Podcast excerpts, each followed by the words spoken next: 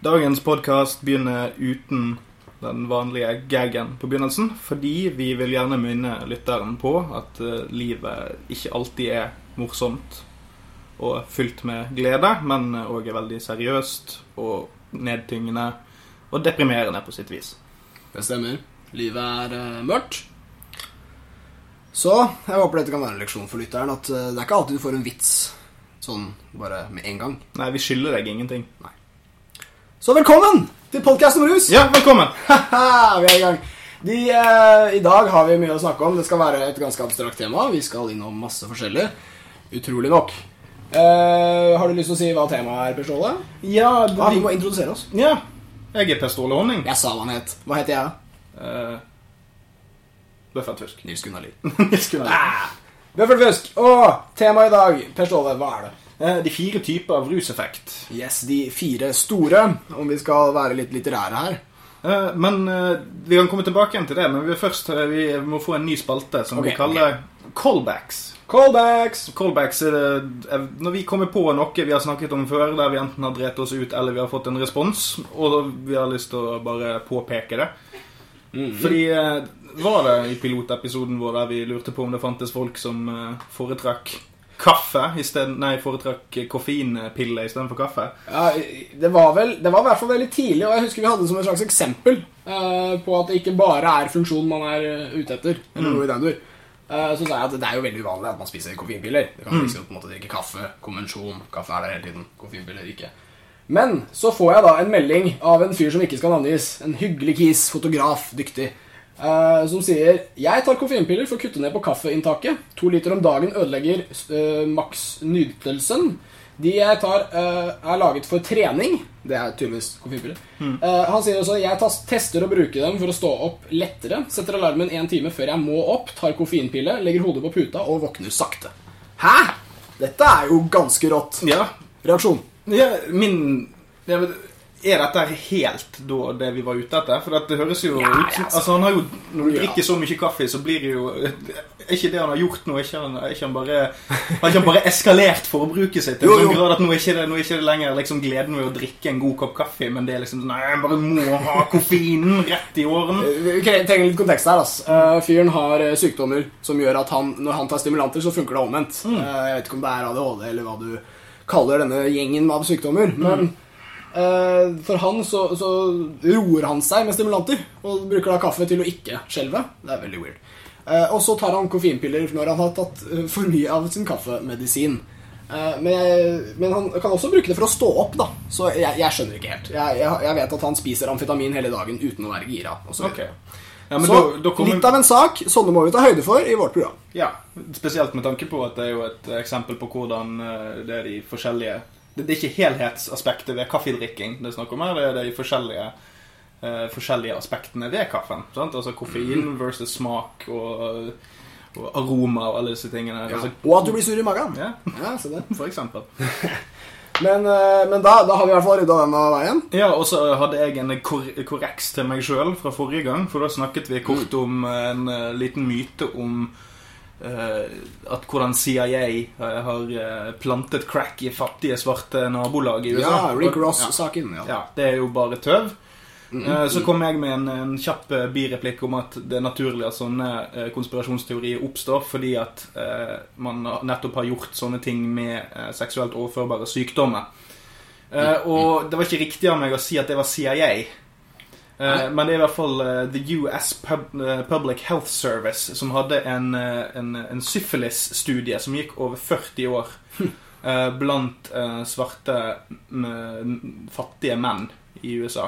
Og det, det er vel offisielt òg, altså det er liksom statlig. Ja. Uh, og det gikk i hvert fall i veldig stor grad ut på at de, de, de ga de gratis helsehjelp, men så hjalp de de egentlig ikke, og så lot de syfilis få lov til å liksom forplante seg i disse fattige, svarte nabolagene i 40 år.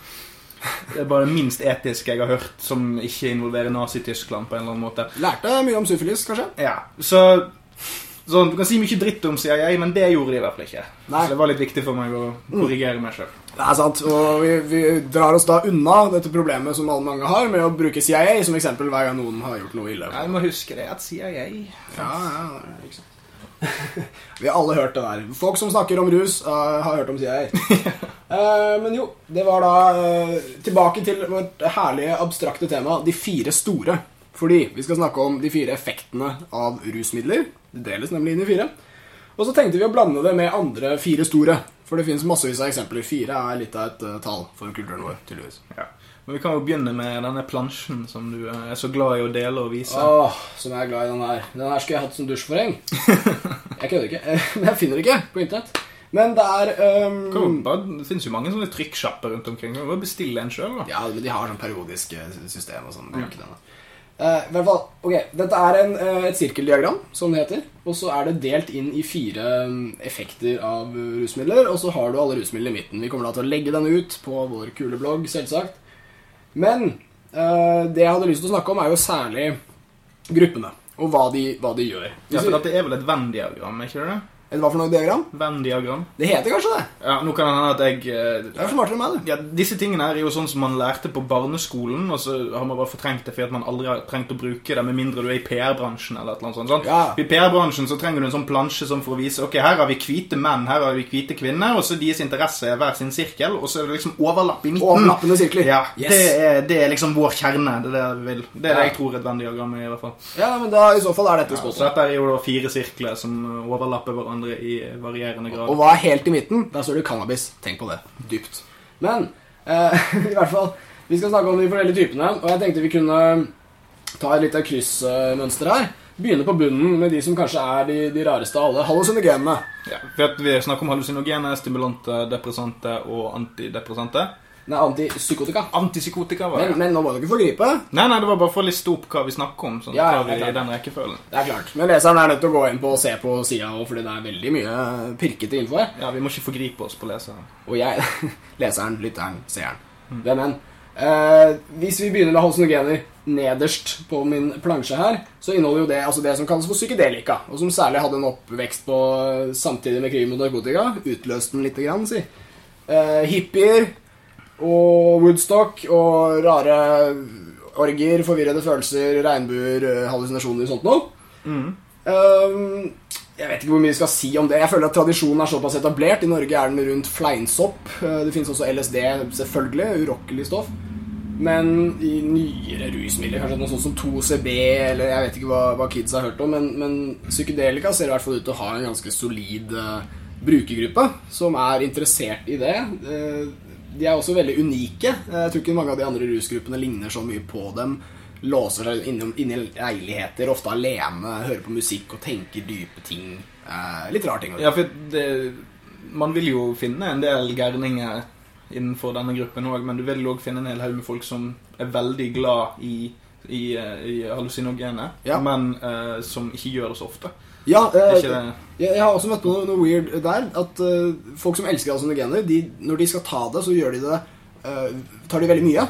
Sånn at de slipper å gjøre det så ofte. Var det en fyr som sa. Ah. Eh, han metter seg selv. da Han tar Istedenfor å spise bitte litt fleinsopp, og liksom, uh, mm. litt, så tar han jævlig mye fleinsopp. Oi. Og så ligger han på sofaen og betviler eksistensen i timevis. Og etter det så har han ikke lyst å trippe på veldig lenge, sier han. Eh, og det tror jeg på, for Ja. du er jo blasta, for å bruke ord kidsa Ja, for dette kan jo være altså, I motsetning til en del andre ting, så er det jo i hvert fall en del eh, hallusinogene som krever veldig mye ut av deg mentalt på en helt annen måte. Mm. Altså, du er jo ikke nødvendigvis eh, Eller vedkommende blir ikke nødvendigvis eh, utslitt fysisk etterpå, men det kan være en slags sånn eh, psykisk nedbrutthet som liksom bare du trenger tid til å komme, komme seg på. Ja, liksom. både nedbrutthet og en slags oppstemthet, eh, underlig nok. Men de som får noe særlig ut av hallusinogener, de eh, ser ut til å eh, ha et behov for å gjøre det iblant. Endre tankegangen sin på den måten. Og som kompisen min da sa, var at hans eh, ønske om å gjøre det ofte blir stilna. da, Altså blir metta for en stund. Så lenge han kan liksom riste seg med denne kjempedosen iblant. Og, det, og det føler jeg er noe unikt med alle disse gruppene. Jeg har ikke hørt om andre som på en måte tar en megadose for å slippe da, å gjøre det på en stund. Men nå høres det mer sykelig ut enn det nødvendigvis Altså, er. ja, Den som sier det på heroin, har jo mest sannsynlig satt sin siste potet. Ikke sant? For Det er fordi at du kan gjøre det, da. Altså, og, Ja. og, og er relativt sikker på at du ikke dør av det. Ja. du skal noe til å dø av syre. Ja, øh, det, det er visst mulig, men det jeg snakker umenneskelige doseringer. Ja, men da må det være en ganske høy konsentrasjon Altså, da er jo konsentrasjonen i stoffet, og ikke hvor lenge en eventuelt har trippet. Ikke det? Altså, altså, det at du får i deg bare at sånn at det er giftig.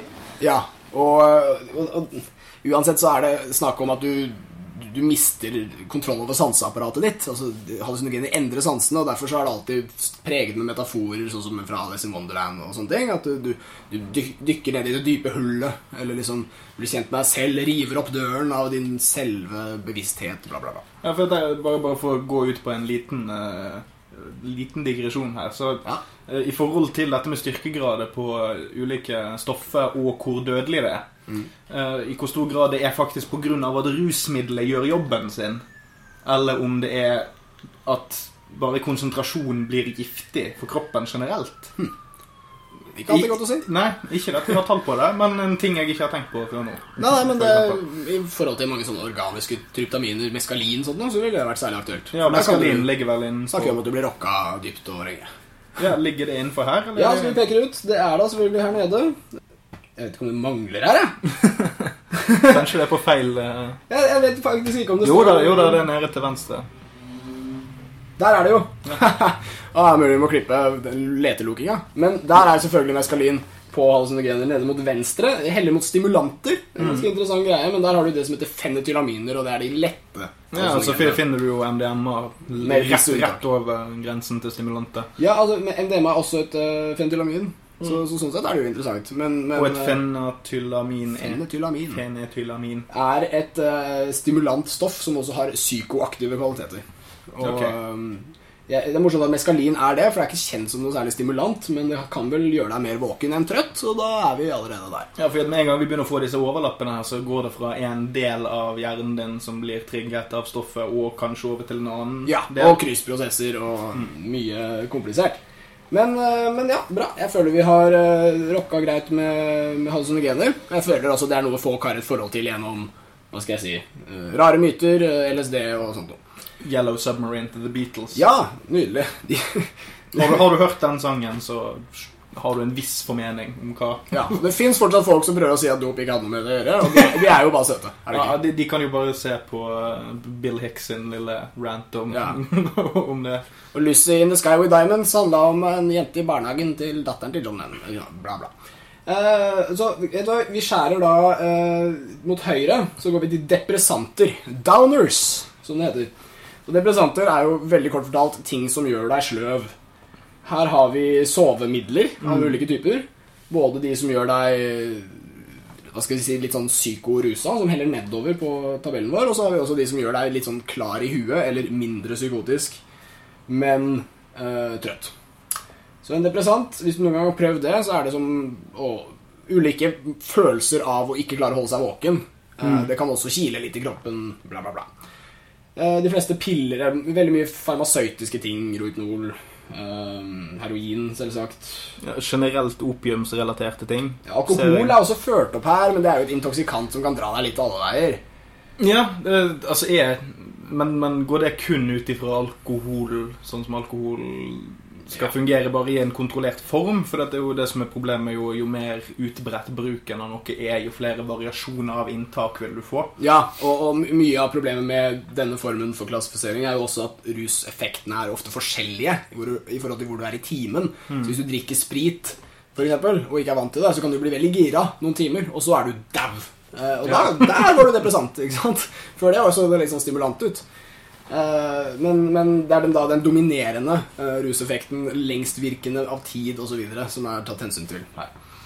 Uh, alkohol er fordelt som depressant. Det er interessant. Jeg ville egentlig ikke hatt det med. Intoksikanter kan liksom slå alle veier. Du blir forgifta, kroppen gjør et eller annet, du føler deg et eller annet. Um, men benzodiazepiner er en morsom gruppe. Det er jo piller, holdt på å si hyppere og valium og alle disse luringene.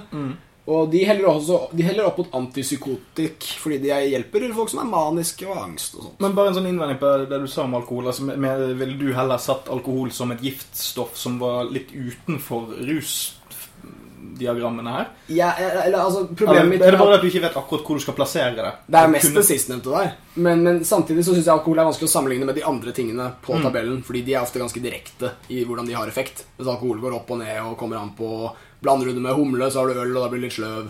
Drikker du ren sprit, så kan du bli klikka. Altså, jeg jeg syns det er en vanskelig ting å putte inn her. Og, så det, ja, og vi har jo òg det problemet med at alkohol er det vi alltid sammenligner alle andre Mm. rusmidler med, fordi det er det eneste feltet alle har Ja, vært så jeg, jeg synes bare det undergraver tabellen litt. da Mm. Altså Med en gang du liksom skal sjekke hvor bra tabellen er, sånn, Åh, her står det at du blir sløv av alkohol. Men ting er jo alltid mer komplisert enn Mm. en jævla tabell. da Dette er bare et utgangspunkt. vet du. Så ja, nei, hvor var jeg? Diazepiner eh, De er fine for angst og sånt, og de er ofte lagd for gamle damer og ja, sånne Ja. ting. Så når ungdom tar de, syns jeg det er veldig trist. Pillehuer har en tendens til å glemme alt og ha mye hangover. og få en psyk liksom psykisk avhengighet i forhold til å skru av angsten sin osv. Og, så og det er eh, eh, veldig trist, fordi syntetiske rusmidler endrer deg. Veldig. Ja, for at anti...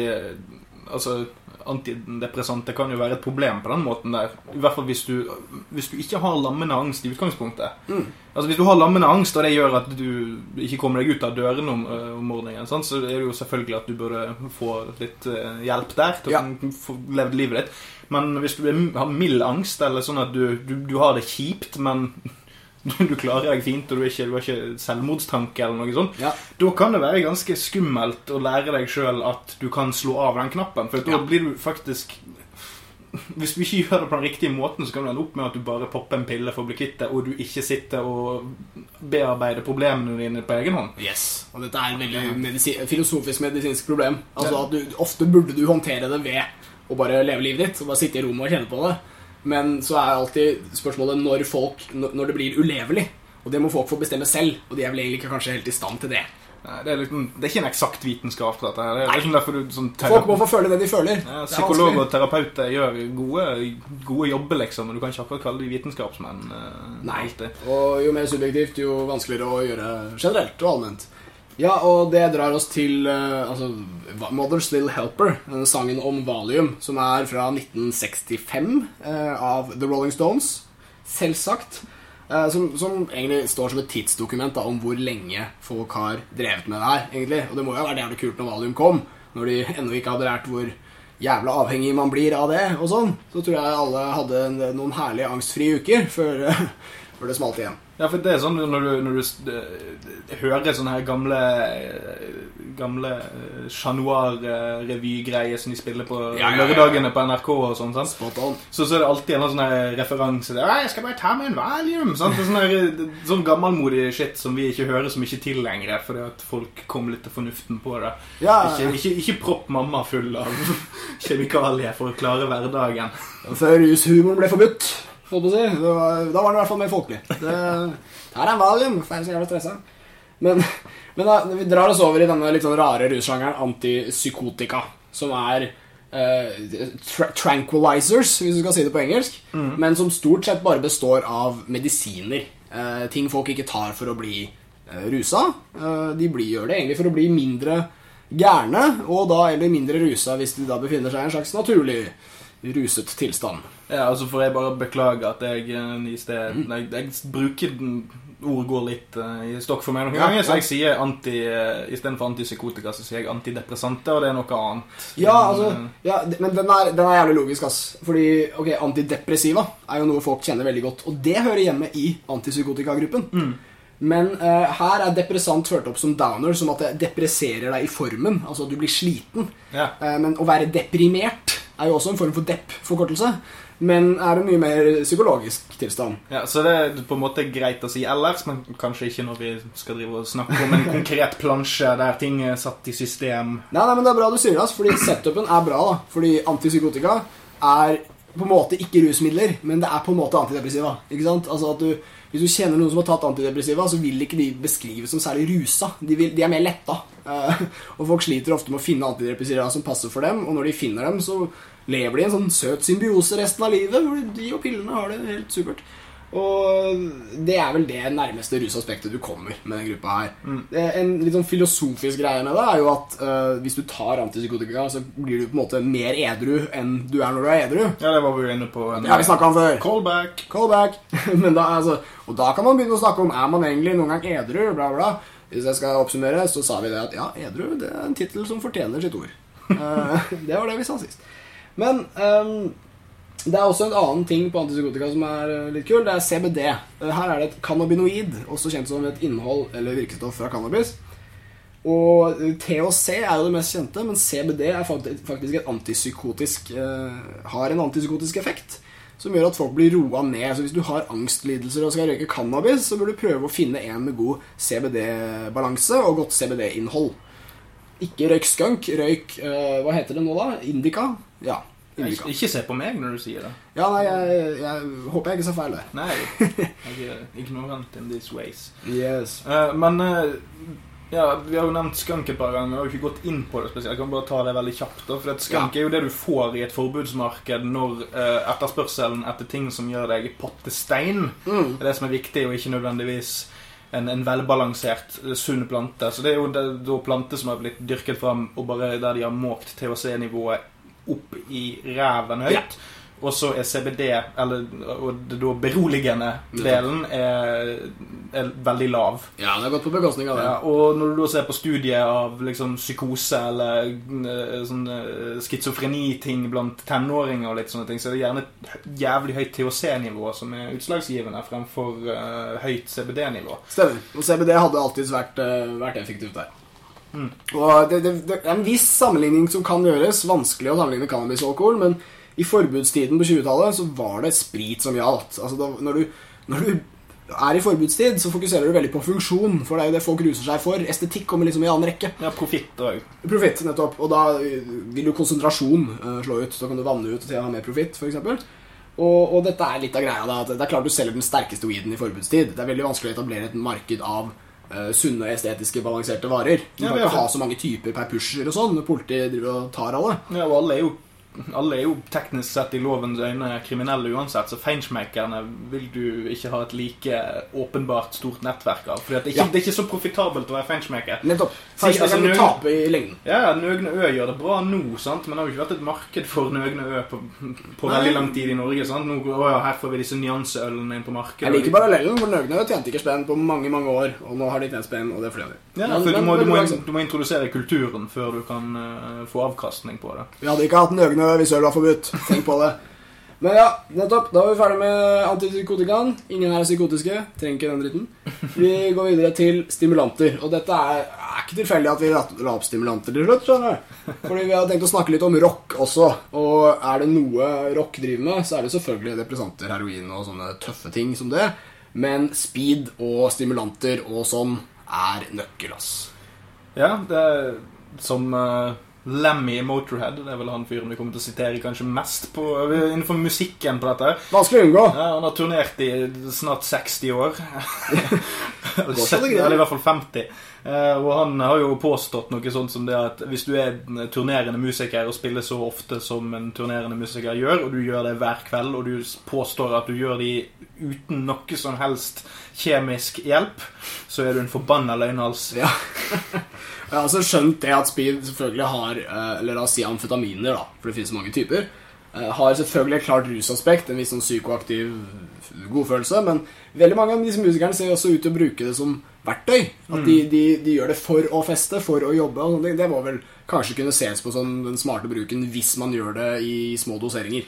Ja, og la oss jo ikke glemme at uh, Lemmy stiftet jo bandet Motorhead, som er slang for speedfreak. Ja. Så, eh, altså, er snakk om å lage et uh, Lage navn på bandet ditt som tilsvarer den kreative tilstanden du var i når du skrev musikken, Ja, og når du spiller den live. husker du, ja, og Apropos eh, ja, Det var ikke meningen å gå for, for, fort forbi Lemmy, for vi skal tilbake til han. Ja. Men eh, Eh, Keith Richards, jeg tror jeg husker eh, Bill Hicks hadde et eksempel. Og, mm. altså, 'This is your brain on drugs', og så sa han 'This, this is Keith'. Uh, 'This is Keith on heroin'. Og så dun, dun, Get no! Men Guns N' Roses, Keith Richards altså, Han er jo også kjent som en mann som har Dette er jo ikke stimulanter, da, men brukt uh, veldig mye heroin. Uh, mm. Det er kanskje hele Guns N' Roses. Ja, jeg hadde en liten anekdote angående det. er okay. vi... I relasjon til å begynne å snakke om musikk og andre former for kultur og uttrykk og sånn, i relasjon til disse fire store eh, prinsippet, Mm. eh, så, så er det jo en litt sånn interessant eh, sak rundt at eh, på 80-tallet så var heroin det store motedopet, spesielt blant amerikanske rockemusikere. 70-tallet òg, for den saks skyld. Ja. Så vidt jeg har forstått det. Eh, men hele Guns N' Roses gikk på heroin mens de skrev eh, den første og beste og kanskje den eneste platen som er verdt å høre av dem. Appetite for Destruction. Og nå gikk jeg mange spark til eh, sånne Bra plate, da. Ja. Ja. Veldig bra plate. Jævlig bra plate. Den har jo òg en sang som heter Mr. Brownstone. Som, Ja, ja. som handler om uh, hvordan heroinforbruket eskalerer. Vel, veldig god sang for øvrig. Men, men i ettertid av dette, så sluttet når de ble kjempestore internasjonale rockehelter, så sluttet de med heroin. Alle sammen bortsett fra Steven Adler. For han var en sånn patetisk fitte at han ikke klarte å slutte med heroin. Hvem var Adler? Hvor andre gruppa? Trommisen. Trommisen?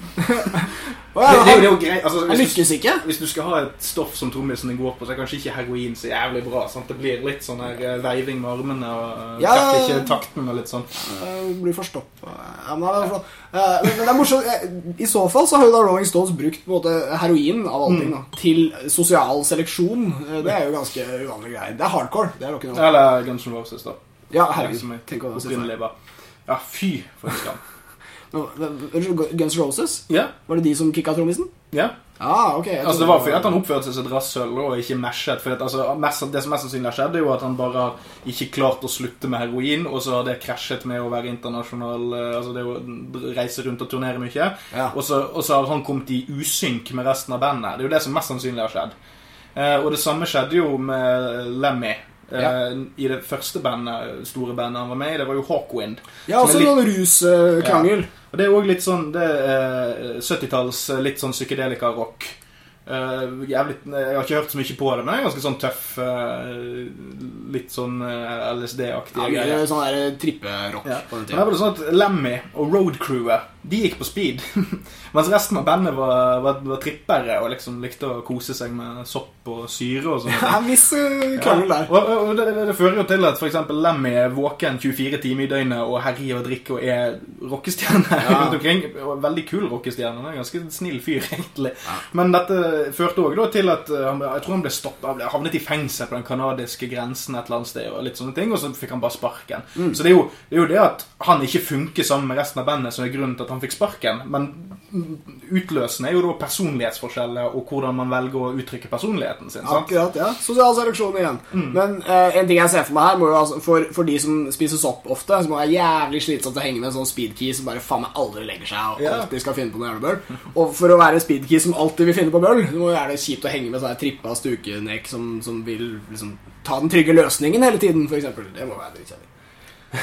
Ja, Ikke rart det blir beef i rocken. Nei, og Lemmy har jo en sjølbiografi som er verdt å anbefale angående. Den heter White Line Fever, som er en morsom double pun, fordi at det, igjen, det er langtransportarbeidere eller sånn folk som kjører lang, tungtransport, får jo White Line Fever fordi at de bare Ah. ser midtstreken, eller når du har kjørt lenge, så får du det. Det tror, Ah. tror jeg i hvert fall, men det er jo òg en eufemisme for eh, speed og Så det er dobbelt, da. kokainbruk. Ja, jeg hadde tenkt å si herlig skamløs, men det var jo bare Ja, men- smart. Ja, men jeg har, jeg har inntrykk av at det er et begrep. Oh, ja. Så jeg skal ikke Jeg skal ikke si det 100% men det er sånn jeg har forstått det. Trøkkere elsker både speed og motorhead, så Mm. dette passer veldig, veldig bra. Ja, men der, der viser han i hvert fall til et helt liv med rusbruk. Eh, veldig mange tenåringsfortellinger om hvordan de fikk noen blå pille som Ja. de bare måtte prøve. Masse sånne Det er det Matrix i den, ja. Ja, ja så, så, så han har jo hatt en, en, eh, en ruskulturgreie gående hele jævla livet, men han har liksom bare funnet sin store kjærlighet, og det er amfetamin. ja visst. Han satte, hva var det, han satte sønnen sin en gang du må, du må ikke drive med kokain, sønn. Det er ikke bra for deg. Du må prøve heller, prøve heller amfetamin. Det er så jævlig bra. Hørt det der flere. Det er, det er stilig. Det er underlig, underlig crush altså, av alle ting. Men jeg har, hørt, jeg har hørt akkurat det der da, fra folk som liker amfetamin. Da. kokain, bare dritt. Eh, elitistisk eh, møkk. blir blir sånn smiskete dusj og dårlig sex. Og det, er, Mm. det er ikke grenser på hvor mye stimulantene skal sverte hverandre når du først har en favoritt. Men jeg må også bare si props til folk som finner sitt uh, sin, sin ruscrush, eller hva jeg skal si, da, sitt drug of choice, og som da ikke lar det ødelegge livet sitt. Det er jo den store utfordringen. Herregud, Hvis du først blir glad i et rusmiddel, så har jo du noe du må deale med. Sånn er det jo. Ja, og gubben er jo snart 70 år. Ja, Eh, faen er det. og han har begynt å få Han har fått inn sånn pacemaker, og han har fått diabetes og har en del ja, ja, han har, har nok en sånn her eh, Det begynner, det begynner å komme fram noen sprekker i betongen. da men det jeg tenker jo at hvis han dør av hjerteinfarkt til neste år, så har jo han levd livet sitt så til det fulle i 50 år på en turné. Så jeg tror liksom ikke nødvendigvis Altså Det at han ikke da eventuelt lever til han er 85 ja, er- Hva er det han da Tror ikke han at han har fått oppleve nok i de andre 50-årene?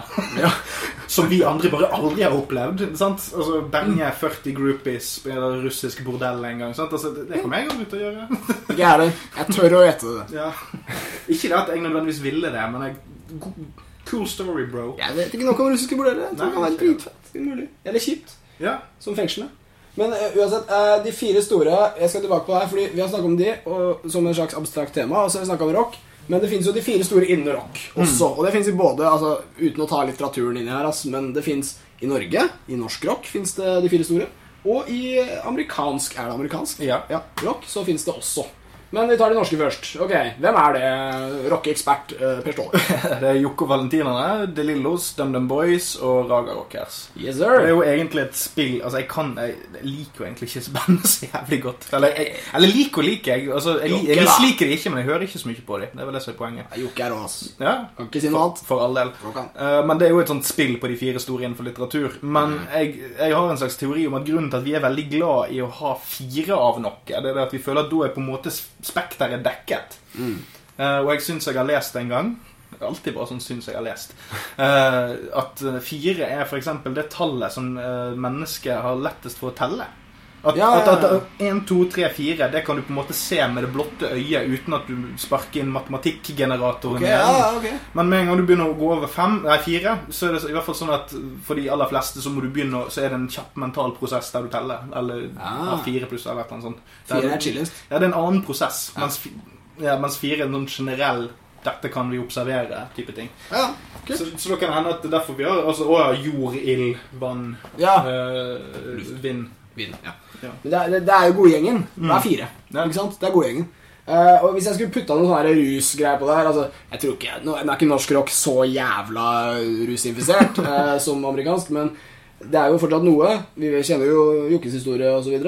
Men uh, hvis jeg skulle tatt disse her og så delt noe på dem, så ville jeg brukt bare alkohol. Og så ville jeg sagt Jokke øl, uh, De Lillos rødvin Rødvin. ja, og hvitvin. Å, faen, altså.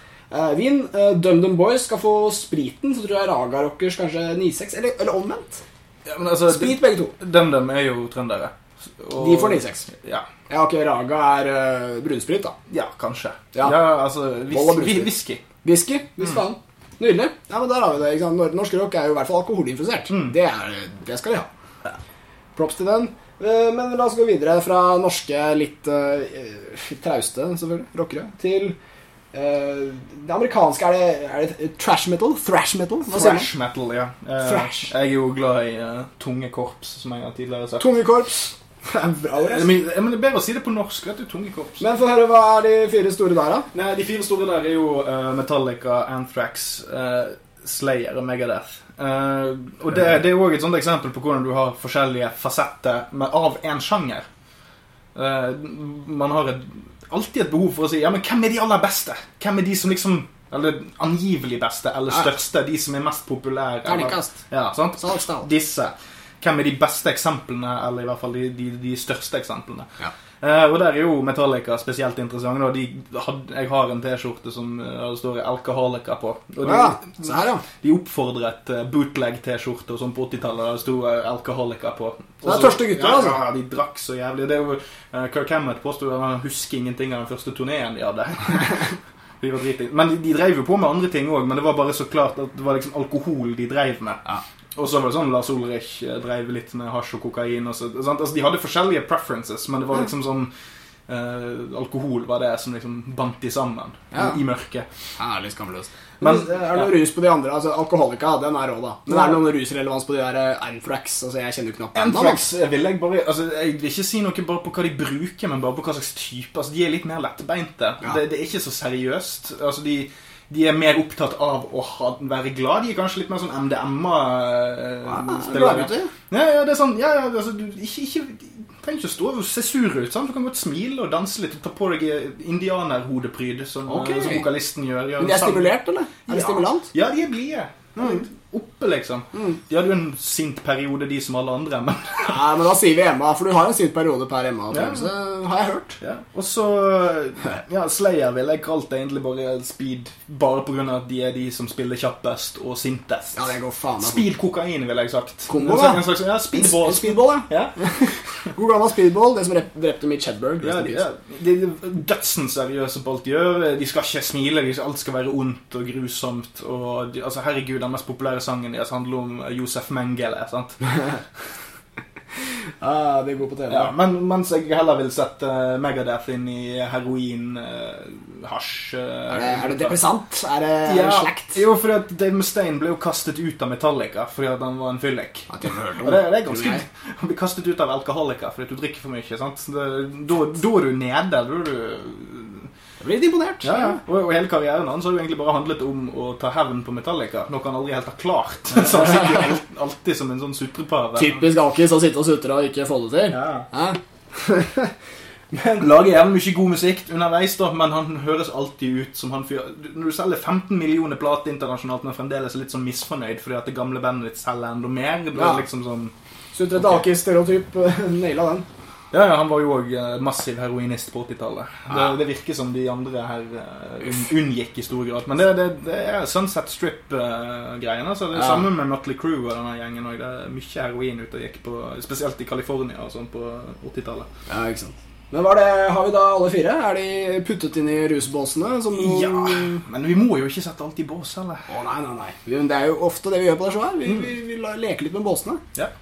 Uh, ja. Har vi noe mer på de fire store? Eh, jeg vet ikke noe om litteraturen til å snakke om rusmidlene til disse bokskrivergutta, eller hva som står i disse bøkene. Nei, nei, men Du har jo fire arketyper. da sant? Man har, Som man kan si, Du har den intellektuelle, den morsomme, eh, den, eh, den sinte eller aggressive, og så lederen, f.eks. Mm. Eh, Eller Ninja Turtles, som du også kan kalle det. Ja, se her. Det er fire store Ja. kunstnere etter navnene og dømme. Ja, ja, Du appellerer til renessansekunstnerne med Leonardo og Rafael og Donatello og Michelangelo, men så er det jo bare profan eh, popkultur med skilpadde som kan karate, sant? Men, og pizza. Ja, pizza. Men de er delt inn i arketyper.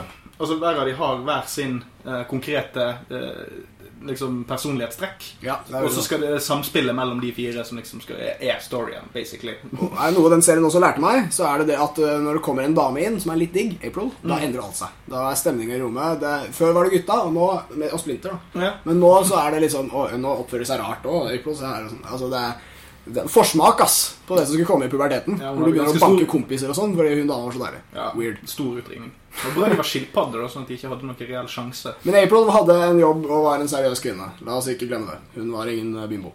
Young professional woman. Word up. Men uh, ja, men du, da Ja. Du hadde en liten uh, Du hadde vel lyst til å ha en sånn pet peeve på slutten, så du hadde lyst til å Pet peeve, er det rant? Ja, det? eller noe En pet peeve er vel eh, kjepphest. Altså Ja, ja, ja. sånn ting, ting du er veldig eh, ja. opptatt av, som du har lyst til å korrigere. Ja, visst faen. Ehm, jeg, har, jeg tenker jo mye på russ. Jeg vet ikke om det har skint gjennom i noen av våre sendinger. Ja, men, også på denne podkasten, da. Nei, jeg skal faen meg alltid snakke om russ.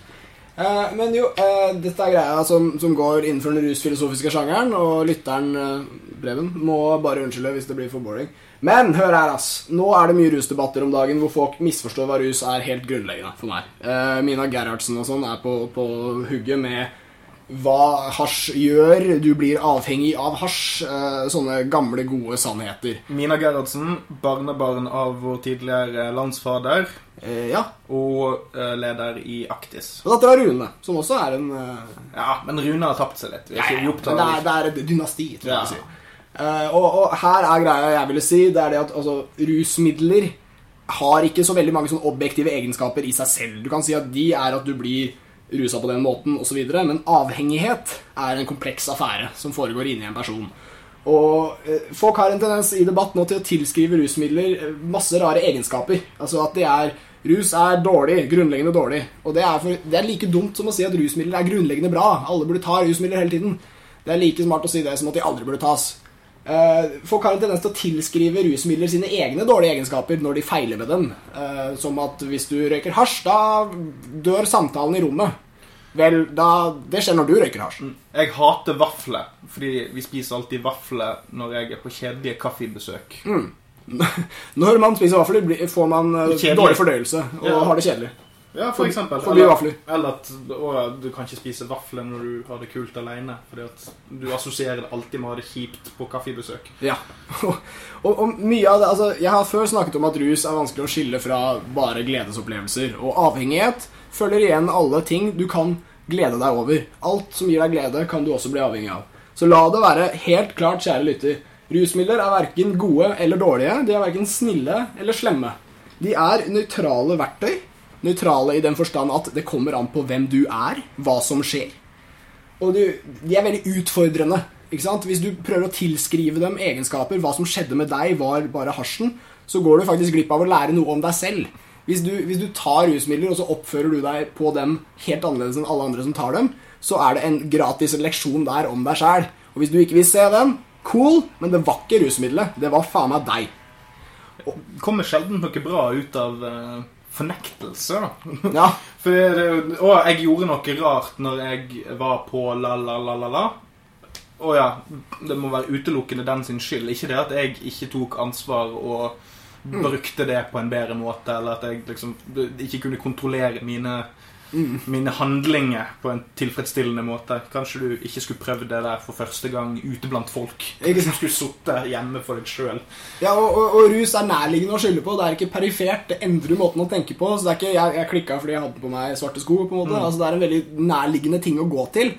Uh, men, men vi må virkelig huske at det er ikke noe i det i seg selv. Uh, vi har dette fra 60-tallet, hvor alkoholbransjen fant det ut. For før var det Dette kan være nevnt før. Sorry, lytter. Eh, da var det altså en idé om at sprit gjør deg gal uansett. Hvis du får i deg spriten, du blir gal. Sprit er like gal. Så fant alkoholbransjen ut at nei, nei, det kommer an på hvem du er. Det er ikke spriten nødvendigvis, det handler om deg. Noen folk blir gærne, andre ikke. Derfor er det din skyld. Ta ansvar. Drink responsibly. Eh, Det er jo litt sånn som den der myten rundt uh, absint. Den grønne feen som kommer og snakker til deg, og blir helt sprø av å drikke absint, for absint er lagd på en, destillert på en sånn måte at det, det er liksom et psykoaktivt stoff som gjør deg gal. Ikke sant? Eh, Men det kommer egentlig bare fra Det er ikke bare alkohol. Nei, men abs absint har enorme, enormt høy alkoholprosent, Mm. og var eh, et yndet eh, rusmiddel blant en hel haug med kunstnere. Mm. Kunstnerboheme og Vincent van Gogh og sånn. Jeg tror ikke det, altså Er du sprø nok, så skjærer du nok av deg øret etter at du har drukket mye sprit. Ja. Du trenger ikke å si at det var den grønne feen. Nei, ikke Sant? Så det har oppstått en hel sånn myte rundt at det er bare fordi at masse gærne folk drikker mye sprit og gjør gærne ting. Ja, og med den logikken om at det er ikke spriten, det er deg også. Det er litt spriten, men det er deg òg. Den ble da ikke overført til noen andre rusmidler. Det er nå en sånn eh, logikk vi bare har på alkohol. Men vi har snublet over en rusfilosofisk sannhet her. Det er faktisk sånn, og dette er et upopulært budskap som jeg ofte har eh, møtt litt sånn dårlig respons på. Når jeg sier at nei, men det var det, Når du sier at onkelen din begynte med hasj, og så ble han heroinist, og det var hasjens skyld, så må jeg faktisk si at det var onkelen din sin skyld. på en måte Ja, det er, det, Eh, det er mindre behagelig. er ikke så behagelig å høre, sikkert. Nei, fordi da betyr jo det at onkelen din har litt seg sjøl og skyld også. Men det har vi jo alle. Det er Vi ikke- har alle Det, det. det er ikke det at det det er noe mindre synd på deg. Det må, Ja. Man må prøve å skille det òg, for folk blir veldig defensive på dette punktet. Det er sånn her, «Å, Han har seg sjøl å skylde for at han er heroinist. Ja. Han har jo teknisk sett det, men det betyr ikke at det ikke er synd på han. Nei, og det er ikke, det er ikke dynamikkens feil hvis denne podcasten blir dårlig. Nei. Eh, Sant? Altså, det, det at folk, gjør, folk skal ha lov til å gjøre dårlige valg. Vi må ikke gjøre det at de har gjort dårlige valg til en ting som gjør at vi, de fraskriver seg en rett på menneskelig respekt. Akkurat. sant? Akkurat. Det er jo det som er forskjellen på måten man takler f.eks. heroinister på. Sant? Å, skitne, ufyselige fyr, du har deg sjøl å skylde. Derfor skal ikke jeg hjelpe deg. Ja. Og folk har rare prosjekter, folk rømmer fra mye rart, og folk gjør feil. Jo mer vi fordømmer dem, jo mer søker de vekk fra oss. Vi burde ikke gjøre dette her. Og la det være helt klart også at det fins forskjell på feil. Dårlige feil er de du ikke lærer en dritt av. Gode feil er de du lærer av. Rusmidler er ingen av delene i seg selv. Rusmidler er verktøy. Kjære lytter, bruk dem som de skal brukes. De er jævlig utfordrende. Ramlet ut av hengekøyen en gang og knakk armen. Der ser du, altså. Ja, Jævla hengekøye. Ja, forbi det.